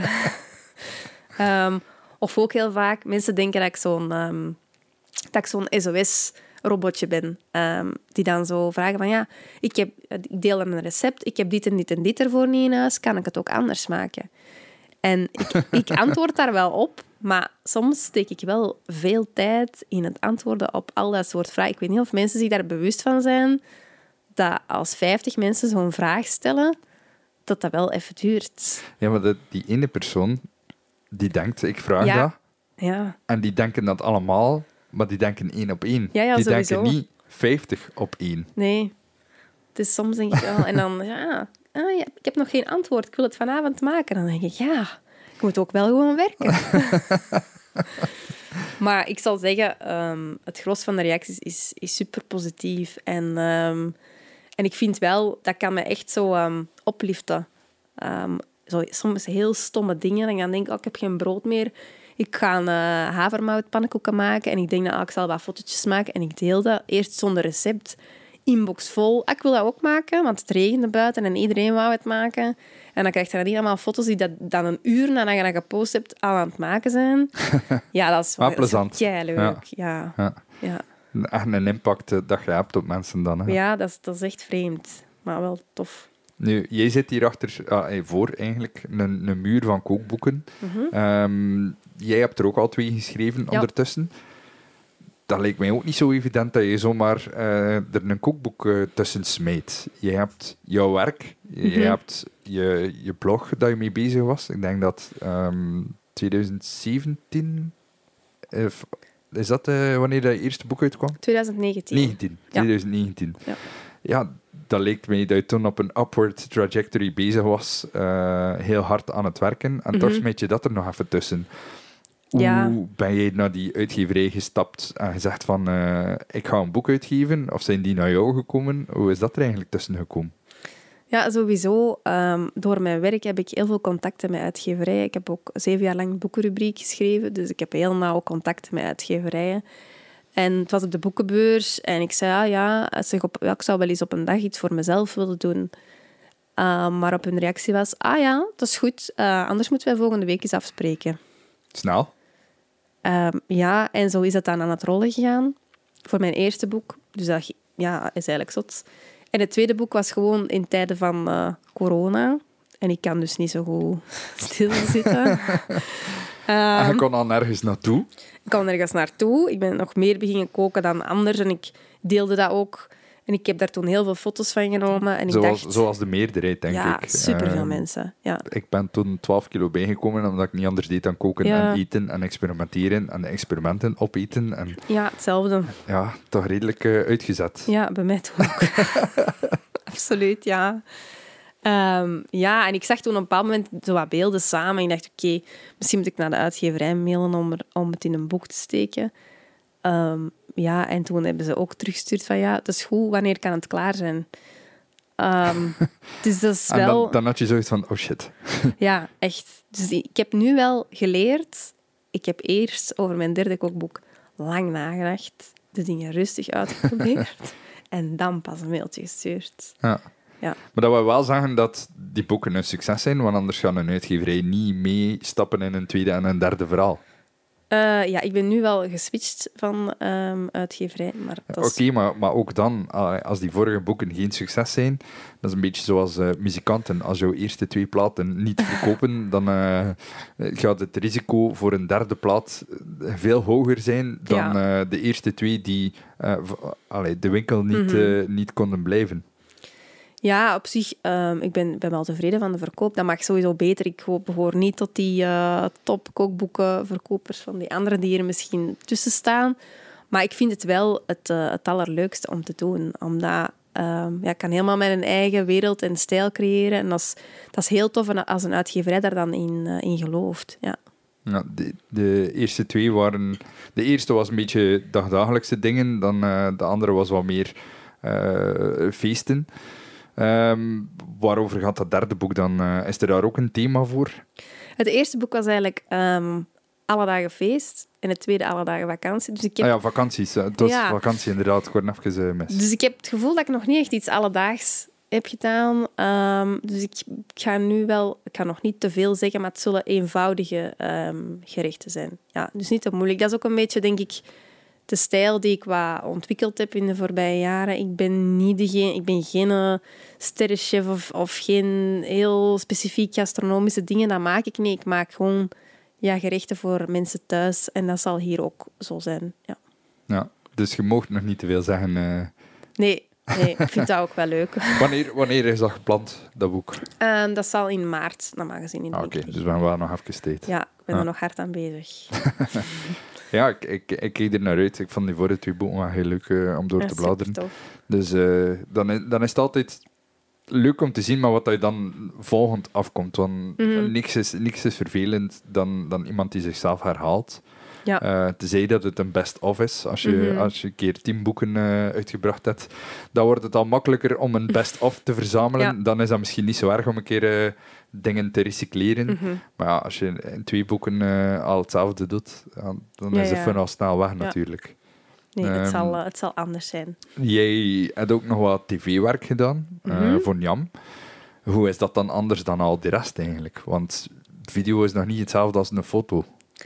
Nee, ik zal zeggen, ehm voor Njam is vooral ook fotografie voor de website, de recepten dat ik maak. Maar ik heb wel voor tv ook wat achter de schermen gewerkt voor kookprogramma's. Ehm, en ook wel kookvideo's, zowel voor Libelle, was toen nog Libelle TV, als voor wat andere dingen.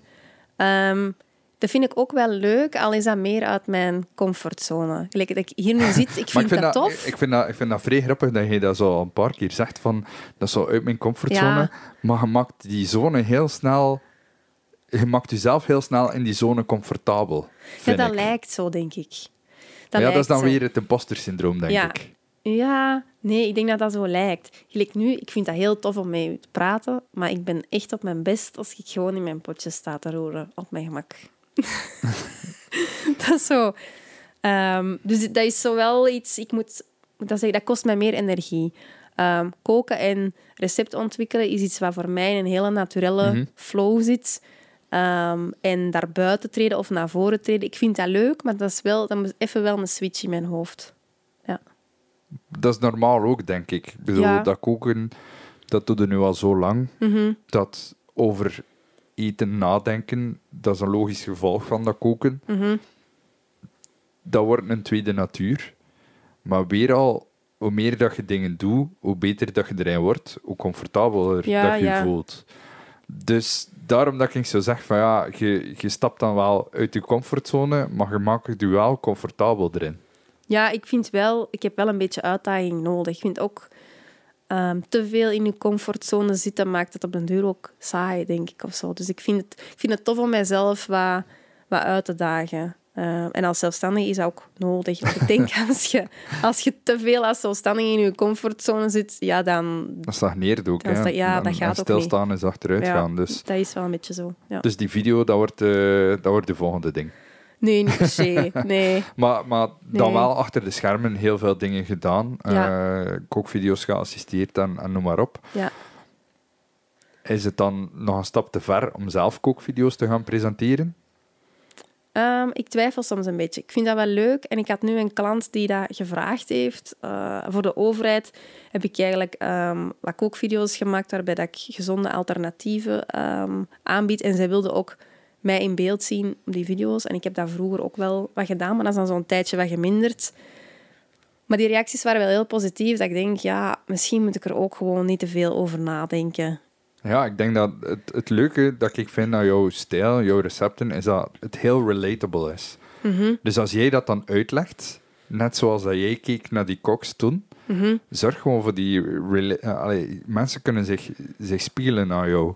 mhm. Je zijt, je zijt niet Sergio Herman. En, en als Sergio iets doet, of als Peter Goossens iets doet, ja, veel mensen zijn daar nog ergens een beetje van afgeschrikt. Want Mhm. Allee, die staan op een, op een drie-sterren niveau, die koken zeer gastronomisch. Ja. Ook al zijn het soms gewoon de klassiekers, puur, die ze koken. Mensen hebben daar een beetje angst van. Terwijl als jij Mhm. dan, ja, met alle respect zeg ik dat dan, is dat de girl next door, Ja, ja. even komt tonen hoe, dat je, hoe dat je een courgette kan klaarmaken, Mhm. dan is dat misschien al minder een drempel om dat eens te gaan proberen. Ja, ja, dat kan ik wel volgen. Ja, ik vind het ook op zich wel leuk om dicht bij mensen te staan. En je kunt met, met beeld wel heel veel ehm, bereiken. Maar evengoed, want gelijk de keuken is nu af, wil ik er ook wel eens af en toe een workshop of zo geven. Omdat ik vind het wel leuk om... Ja, mijn motivatie is iedereen kan koken. Eh, ik vind dat veel mensen het idee hebben dat ze niet kunnen koken. En dat is vaak ofwel omdat ze een recept hebben dat niet klopt, of omdat niemand het hun ooit geduldig heeft uitgelegd. Of omdat ze zelf geen geduld hebben om even Ja. te kijken waarom dat verkeerd Ja. loopt.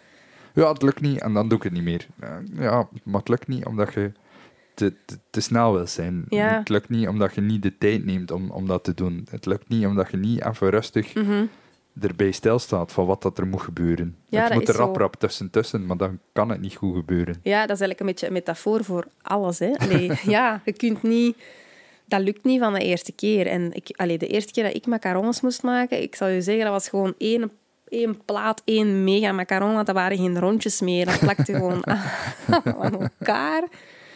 Ik heb er echt op gevloekt. Ehm, dus ja, dat is een beetje trial and error. En ik vind dat ja, heel tof als ik dat nu ofwel via mijn blog of via Libelle Lekker of via, ja, wie weet dan, video of kookboeken, dat ik dat zo kan overbrengen, ehm, zou ik dat wel heel fijn vinden. Omdat als je iemand ziet die dan uiteindelijk wel, bij wie wel iets lukt. En ik heb iemand gehad, ja, ik kan helemaal geen, geen wafels bakken en dat lukt niet. Ik zeg, ja, maar probeer dan eens met dat recept. Zeg, en stuur mij een berichtje als, ja, als het niet lukt. Ehm, en uiteindelijk is dat supergoed gelukt en die maakt die wafels bijna elke week. En dan denk ik, Zalig. en dan de, de, de fierheid van iemand te zien die, bij wie dat, dat gelukt is, dat geeft mij echt de grootste voldoening. Van, ja, te zien van, oké, ik heb iets kunnen geven waardoor dat, dat bij die persoon wel lukt. Eh, waardoor dat hij meer zelfvertrouwen heeft en waardoor dat die op zijn of haar beurt opnieuw verbinding kan creëren. Dat vind ik gewoon super tof. Ja, en zeker als je een wafelbak kan doen, ja, dat is plezant. Hè? Maar toch? Ik bedoel, eh, aan het, aan het einde van elke. Nero-strip staat er ook eh, een hele voilà. wafelbak. Dus het is, Voilà. eh, het is ook al een, eh, iets klassiek en iconisch bij ons, Ja, de ja. wafels. Ja, als dat lukt, dan, dan, zijn ze vertrokken, denk ik. Ja. Zalig. Ehm, je boek komt uit in, eh, in maart. Je blijft bezig. Die workshops, ehm, dat klinkt super interessant. Heb je daar al een idee over van wat dat, dat allemaal gaat zijn en hoe dat je dat gaat doen? Of moet er eerst nog wat afgewerkt worden nu? Ehm, de keuken moet eerst nog geschilderd worden. Dat is wat praktisch, maar ehm, nog niet super concreet. Maar ik merk bijvoorbeeld wel... ik vertrek heel vaak vanuit een basisrecept dat ik te ingewikkeld vind. Of waarvoor ik zelf te lui ben. Ehm, Nu, Ja. nu ga je even een voorbeeld moeten geven. Sorry. Bijvoorbeeld met cake, heel vaak in, in recepten moet je je eiwitten opkloppen hè, om, eh, om er ja, luchtigheid in te brengen. Ehm, ik doe dat bijna nooit. Ik heb al mijn recepten zo aangepast dat dat niet nodig is om dat op te kloppen. Maar dat is toch niet veel werk? Je zet daar een mixer op en dat is rap klaar. Ja, maar dan denk ik, ik probeer heel vaak voor patisserie dan ook echt te kijken naar de techniciteit van de dingen. Van waarom ehm, is dat technisch nodig om dat op te kloppen? En voor sommige bereidingen is dat bijvoorbeeld een soufflé of zo, is dat absoluut wel nodig. Maar voor een klassieke cake maakt dat eigenlijk niet uit. Want het is de combinatie van die eieren met die suiker en die bloem dat sowieso ervoor zorgt dat die cake rijst. Ehm, en dat vind ik, ik vind dat heel interessant om op die manier eh, mensen wat intuïtief te leren koken. Niet zozeer van, ah, ik volg een recept zo en zo en zo, maar eerder, als ik nu dat probeer, ah, dan lukt dat misschien ook wel. Of dit is de basis voor een goede cake, maar ik kan daar chocola aan toevoegen of fruit. Maar als ik er fruit aan toevoeg, ja, gaat mijn fruit dan niet naar beneden zakken? Zo dat soort dingen. Hoe zorg ik er dan voor dat dat fruit mooi verdeeld blijft en dat, dat mijn cake uiteindelijk niet te, wak wordt of zo? Ik vind dat soort dingen, ik kan me er echt zo helemaal in verdiepen. Dat klinkt eigenlijk iets dat je kan pitchen als kookboek. Ja, dat klinkt zo. Van simpeler koken en, en uitleggen waarom. Mhm. Want het is heel vaak ook zo dat we dingen doen en dat we dat doen omdat het ons op die manier is aangeleerd. Mhm. Zelfs ik binnen mijn job in een professionele setting merk dat. Ik doe dan dingen of, of ik zie dingen en ik denk van, maar waarom is dat nodig als wij dat straks toch nog op die manier doen? Ja, ja, ja. En dan mensen dan even die seconde stilstaan en denken van, ja, eigenlijk, waarom doen we dat zo? Ja, omdat ik het zo geleerd ben. Ja, Dat is, dat is grappig eigenlijk. ik vind dat net interessant om soms inderdaad erbij stil te staan en te denken, ja, maar kan ik dat niet zo doen? Dat komt misschien ook, denk ik, omdat ik zoveel tegelijkertijd moet koken, dat ik probeer soms om een beetje shortcuts te pakken. Ehm, en dan, ja, als het dan lukt, soms is dat niet, hè, maar als het dan lukt, dan denk ik, ah ja, kijk, dat werkt ook gewoon zo. Dan is het vloeken. Dan heb je toch je tweede stuk vlees nodig van ja, eh, de dat- slager. ja, soms gebeurt dat. Ja. Maar ja, natuurlijk, oefening baart kunst. Hoe meer Mhm. dat je ermee bezig bent, hoe minder dat die, dat die mislukkingen gebeuren Ja. natuurlijk. Ja, sowieso. Ik kan nu ook... Ik ontwikkel eigenlijk al recepten in mijn hoofd. Dus ik, ehm, ja, ik denk dat dat voor heel veel chefs zo is. Ik- Gecombineerd ingrediënten, je weet wel, dat past samen. Maar ook naar hoeveelheden en zo toe. Ehm, zoveel koolhydraten, zoveel groenten. Of in patisserie, als je verhouding op die manier zit, dan komt het goed. En als het niet is, ik kan online een recept lezen en weten van dit gaat nooit lukken. Ehm, dat is gewoon ja, door dat heel veel te doen. Jij als expert, jij ziet heel veel recepten. Ehm, het gebeurt vaak dat ik een kookboek in mijn hand heb Mhm. En naar recepten kijk en denk van, dit klopt niet. Ja. Ik vind dat een beetje zuur. Want Ja, je geeft dan geld uit aan een boek in de hoop dat je er iets van, van opsteekt. Maar Ja. dat kan niet lukken omdat het recept niet klopt. Ja. Hoe komt dat eigenlijk? Heb jij daar een, een idee van hoe dat, dat komt, dat er foute recepten in kookboeken staan? Ehm, ik denk heel veel kookboeken zijn gemaakt door chefs die in een restaurant staan. ehm, of door iemand die auteur is en graag kookt, maar niet zozeer iemand die receptontwikkeling doet. Dat zijn twee totaal verschillende dingen. Ehm, je hebt ook een goede culinaire eindredactrice nodig die gewoon puur checkt van ja, die recepten staan, die, eh, de ingrediënten die in de lijst vermeld staan, worden die ook gebruikt in de bereiding en omgekeerd. Ja, dat is ook voor zot te komen. Hè? Dat je dan kijkt naar ingrediënten en dat je die dan achteraf eigenlijk niet nodig hebt. Ja, of omgekeerd Of- of- dat er iets staat en Ja. je hebt het dan niet gekocht, want het stond niet in de ingrediëntenlijst. Dat is nog erger. dat is nog erger, Dat hè? is nog erger.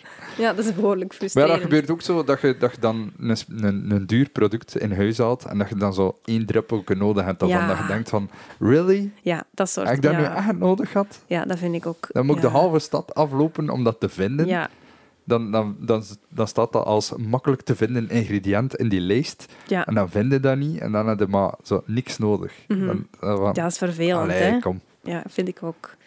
Dus ja, ik denk dat echt het technische uitschrijven van recepten gewoon iets heel specifiek is.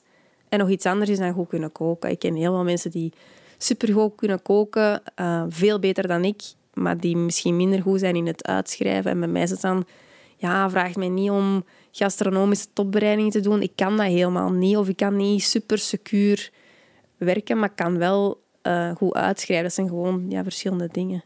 Dus dat is eigenlijk ook nog een functie die jij kan opnemen. Moest iemand naar jou komen van, hey, uh, ik wil hier iets doen. En je kunt dat makkelijk checken, zo'n dingen. Ja, ja, heb ik in het verleden ook wel gedaan. Zo, um, ja, echt gewoon het, om het vertalen van iemands creatief idee naar iets concreet, naar concrete tekst en beeld. Ja, ja dat, is, dat is eigenlijk nog meer dan dat ik dacht dat je, dat je, dat je deed. Ah, ja. dat, is ja. Al, uh, ja, maar ja, dat zijn allemaal zo dingen je kan wel zeggen, ja, culinair journalisten en, en recept ontwikkelen en, en al de rest, maar er zijn zoveel nuances daarin ook, ja. dat je niet altijd van bewust bent. En ik vind dat heel straf, vooral omdat ik ben nu al redelijk straf bezig met in de diepte te gaan van Ja, ja. wat is er allemaal mogelijk. Ik, ik, ik denk na over eten, ik droom over drinken, eh, ik adem alles gastronomie Ja. en, en ben daar dagdagelijks mee bezig. En toch is er zoveel dat het niet allemaal weet van mogelijkheden. Ja, ja, want allee, op de redactie ook. Wij zijn allemaal, allee, de meeste zijn freelancers, maar we hebben allemaal een eigen specifieke specialiteit. En ik, denk dat sowieso, ik pas niet echt in één vakje, omdat ik en al ook blog en journalist ben daarnaast. Uh, ik schrijf ook actualiteitsstukken en dan uh, daarnaast receptontwikkeling. Dus eigenlijk allemaal ja, een beetje ingewikkeld. Met één uh, rode draad is gewoon eten. Maar ja, als je aan mij vraagt hoe ziet uw week eruit of, of uw dag, er zijn weinig mensen die heel concreet weten hoe dat, dat er aan toe gaat. Dat is gewoon zo. Het is ook wel de reden, denk ik, dat je in het begin ook niet wist wat dat je kon doen Nee. en waar dat je naartoe kon. Nee, Want er is niet echt één duidelijke lijn. Hè? Nee, nee, dat is ook in de jaren gewoon zo wat gegroeid. Van ja, en dan zei iemand, ja, wilt je een recept ontwikkelen? En dan dacht ik, ja, moet ik een recept ontwikkelen? Oké. Let's go. ja, dat is zo... Je comfortabel maken. Ja, ja. En intussen, ja, doe ik dat heel veel. Um, maar ik wist helemaal niet dat dat bestond. Um, toen ik allee, aan mijn studies begon, ook foodstylist, ik had er nog nooit van gehoord.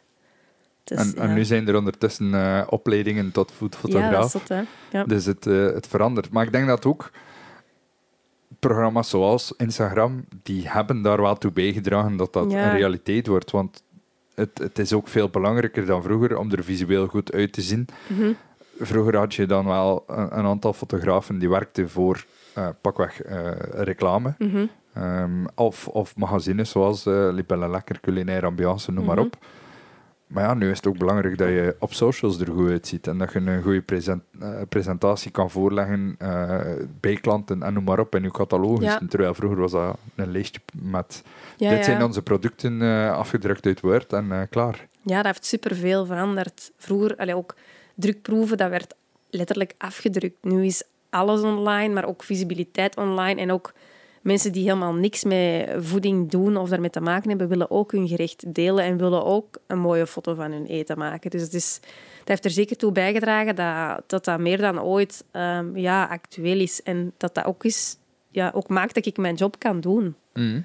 Um, ja, anders zou, het, zou er gewoon geen werk zijn. nu, als jij vandaag terugkijkt naar jouw hele parcours, mm -hmm. Dan denk ik dat je in, in, een, in een goede positie staat om advies te geven aan iemand die jou mouw komt trekken van uh, Manon, ik wil doen wat jij doet. Ja. Waarop moet ik letten? Ja, ik krijg die, die vraag wel vaak. Um, dat dacht ik wel. Ja, maar dat is best moeilijk, omdat ik, ja, dat is zo'n beetje, mijn parcours is niet één rechte lijn en ik denk dat dat bij de meeste mensen niet, niet zo is. Um, maar als, ja, als ik advies moet geven, is dat je gewoon je eigen ding moet doen. Um, ik ken best wel wat bloggers um, die zo, ja, of ook journalisten die heel veel kijken naar wat andere bloggers doen um, of waar die mee bezig zijn. Maar eigenlijk, dat klinkt misschien heel cru, maar dat maakt niet uit. Ik denk, zolang dat je iets, iets doet waarbij, allez, waar je hart zit, uh, dat je met passie doet en dat je met volle goesting doet en dat je, als je erin wilt verbeteren, dat dat je belangrijkste drive is. En dan verkoopt dat zichzelf. Uh, maar als je motivatie is, ja, ik wil blogger worden en ik wil er geld aan verdienen, dan zeg ik, ja, stop er al maar mee. dat werkt, zo werkt dat gewoon niet. Ah, de, de, ik, ik, weet niet wanneer dat was, een, een tijdje terug, dan hoorde, overhoorde ik een, een, aantal jonge mensen, denk zo 17, 18 jaar, Mhm. van waar, waar dat ze mee willen bezig zijn. En dan was het van, ja, en ik wil, eh, ik wil influencer worden. Ja, En dan dacht ik van, oké, maar je krijgt influence door te doen wat je doet. En niet andersom. nee.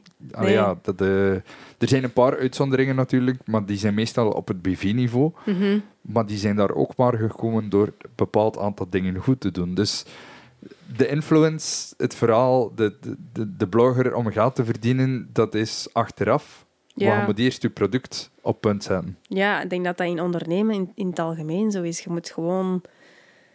En nog, misschien nog extra als het, als het over social media gaat. Je moet ja, je persoonlijkheid en de manier waarop je iets brengt of iets wilt doen, is veel belangrijker dan eh, het idee van ik ga hier iets eh, ondernemen en ik wil dat het rendabel is. Dan denk ik, ja, je passie moet erin zitten. Je kunt mensen zien, dat sowieso. Mhm. Vroeg of laat valt je door de mand. Ja, want ook eh, ja, bijvoorbeeld deze podcast, er zijn zo mensen die denken dat dat, dat, dat geld opbrengt. Dat, dus voor de record, dat is niet. Eh, als iemand me geld wil geven, bring it, eh, graag. Maar dat, dat brengt inderdaad niet op. Maar waarom blijf ik dat doen? Omdat ik het zo graag Ja. doe. Ik, ik vind dat zo fascinerend om, om met mensen zoals jij te mogen praten, te mogen leren. Ehm, en dan Mhm. deel ik dat ook graag met andere mensen. Want ik denk dat heel veel van de vragen die ik stel, de andere mensen ook hebben. Mhm. Dus dan is dat superleuk. Dan maakt dat niet uit dat ik dat niet nou verdien. Ik heb een job waar ik mijn boterham Ja, ja. mee verdien, dus dan doe ik dat gewoon graag. Ik denk dat het bij je blog ook zo is. Ja, ja, sowieso. Ik denk ook dat content maken, ehm, dat is misschien een evolutie. Vroeger had je alleen mensen die content moesten maken omdat dat, hun, omdat dat hun job was, omdat ze daarvoor betaald werden. En nu heb je mensen die content maken omdat ze content willen maken. Omdat ze het gewoon tof vinden om dat te maken. En ook omdat het kan. ja, Ik bedoel, het, het fenomeen van, van bloggen. Ja, voordat, voordat blogs bestonden, voordat het internet dat toeliet, Mhm. dan had je wel een aantal mensen die, die zo zelf magazines maakten. Maar ja, dat bereik was, gewoon- was gewoon heel beperkt. Ja. Ehm, ik herinner mezelf, van mezelf, toen ik in het vijfde middelbaar zat, dan heb ik ook een, een fanzine gemaakt van, eh, Ah, ja. met interviews van bands die ik fantastisch vond. Dat, dat kon. Maar je bereik is gewoon heel beperkt. Ja. Terwijl dankzij het internet kreeg je dan wel plots een platform die, die allee, veel breder was. Mhm. Waardoor dat, dat ook gemakkelijker was voor mensen om dat te doen. Dankzij blogger, allee, die, die technologie was het Mhm. gewoon gemakkelijk om het te doen. Je Ja. moest niet meer zelf kunnen HTML programmeren om Ja, een ja. website te maken. Waardoor dat dan, dan plots veel toegankelijker wordt. WordPress eh, die, die ervoor zorgt dat je heel makkelijk een mooie site kan hebben. Ja, als, dat, als de technologie er is om het makkelijk te maken, dan gaat het ook rapper gebeuren, denk ik. Ja, hetzelfde met, met fotografie of zo. Alles is veel toegankelijker en ook betaalbaarder geworden. Dus dat maakt dat veel meer mensen er ja, toegang tot hebben en er ook ja, mee aan de slag gaan. Ja. Ik vind dat ook wel heel tof om te zien. Want er zijn ook van die, van die Instagram-accounts die enkel met een gsm hele Ja. mooie dingen doen. hè. Ja, absoluut. Je hebt niet per se een, een dure spiegelreflex Nee. nodig. Nee. Nu, Dus, ik vind heel goed advies wat je gegeven hebt hier aan, eh, aan de toekomstige Macaron Manon. ja. Of het equivalent. Ehm, er is nog heel veel die te ontdekken is over eh, wat dat je doet, wat dat je gaat doen. Mhm. Eh, de eerste stap, dat is natuurlijk jouw Instagram-account. Daar ben je het actiefste op, Ja. vind ik. Ehm, tweede stap is dan de blog. eh, en Mhm. de vele magazines en, en dingen waar je voor werkt. Want dat er ook af en toe wel eens een, een stukje persoonlijk tekst bij komt. Ja. Waar moeten mensen nog voor, voor openstaan bij jou in de toekomst? De workshops? ja, dat is iets wat ik echt nog moet, moet uitdenken. Ehm, ja, en voor de rest, ik, ik kijk een beetje hoe dat het voelt op het moment. Ik denk dat ik in vergelijking met tien jaar geleden ook niet zoveel ehm veranderd ben. eh, buiten dat ik ja, wel weet wat ik wil doen. En ik vind dit gewoon heel fijn om te doen. En ik, ik, ik zie gewoon waar het mij brengt. Ehm, of dat nu in print is of misschien af en toe voor video's. Ik denk wel, ik blijf sowieso wel een, een, een meisje voor de boekjes of zo. voor de magazines. Omdat ja, bij mij thuis ook, er staat echt zo'n mega kast. Mijn man wordt er gek van. Bij nog tijdschriften van twintig jaar geleden. Omdat ik vind, ik vind dat heel tof uh, om dat vast te houden. Dus dat wil ik sowieso blijven doen. En voor de rest, ehm, als ik nog wat kookboeken mag maken en zo, zou super zijn. En ik zie wel waar mij dat brengt. Van magazine is gesproken. Ja. Jouw eerste cover, heb je die ergens ingekaderd? Nee. nee. Nee, maar ik moet zeggen dat het eerste recept dat op de cover stond, dat ik wel super speciaal vond. Want ik dacht, het is nog niet zo lang geleden, ik denk een jaar of twee jaar geleden maar. Ehm, en ik dacht, ja, binnen tien jaar zal ik misschien eens een recept voor een cover mogen maken. En dan ja, werd me dat gevraagd. Ik dacht, ah, dan had ik weer heel veel last van mijn imposter syndroom. Ik denk, oh, dat kan ik helemaal niet. En intussen zijn er wel wat gepasseerd. Ehm, dus ik vind dat super tof. En ergens voelt er nog altijd zo een, een leven dat zo precies niet, niet van mij is. Zo, ik ben zo nog niet mee van, ah ja, ik doe dat echt. dat klinkt misschien raar, maar ik denk gewoon... Ja, ik ben de hele tijd bezig met, met van alles te creëren en ik heb niet zo de tijd om daar zo fel um, in te gaan staan. Ja, en ook als je bezig bent met je volgende deadline te halen, dan heb je ook niet altijd tijd om stil te staan bij wat dat er al gepasseerd nee, is. Nee, dat is gewoon zo, Want als, als zo'n cover uitkomt, dan is het eigenlijk al een tijdje achter u. Hè? Ja, eigenlijk nu ligt er eentje in de winkel die ik moet gaan halen, want dat ligt er al twee weken of zo. En ik moet het dan delen. Dus ik moet er wel echt ja, overdenken. Ik vind dat natuurlijk superleuk, maar dan dat laatste stukje moet ik wel echt met, ja, bewust van zijn. Ah, maar dan uh, is het nu misschien het moment om je naar de winkel te rappen uh, en hem zeker op te pikken, dat je het niet vergeet, uh, nu dat we het toch gezegd hebben. En dan uh, rest mij enkel nog om jou te danken om hier aanwezig te zijn. Ik vind het altijd leuk om jouw Instagram-account te volgen. de receptjes die erop komen bieden altijd inspiratie. ook al doe ik het niet altijd zoals dat jij het recept maakt.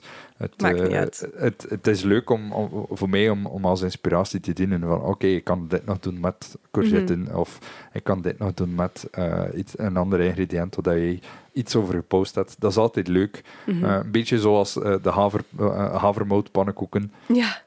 Het zit in mijn achterhoofd en dan zie ik wel of ik er iets mee doe of niet. Mhm. Maar het, het, helpt altijd om het niet zelf te moeten bedenken. Super fijn. Dus dikke merci om, om hier aanwezig te zijn.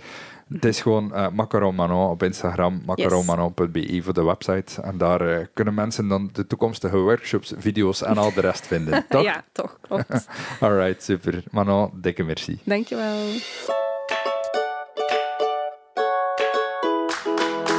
Bedankt om te luisteren naar Overeten. Vond je het een leuke aflevering? Deel deze podcast dan zeker met andere foodies. Tag me gerust op Facebook of Instagram via @overetenpodcast. Honger naar meer? Dat is mijn maandelijkse nieuwsbrief vol eet, drink en luisterplezier. Schrijf je in via de website, dat is www.overetenpodcast.be. Bedankt en hopelijk tot binnenkort.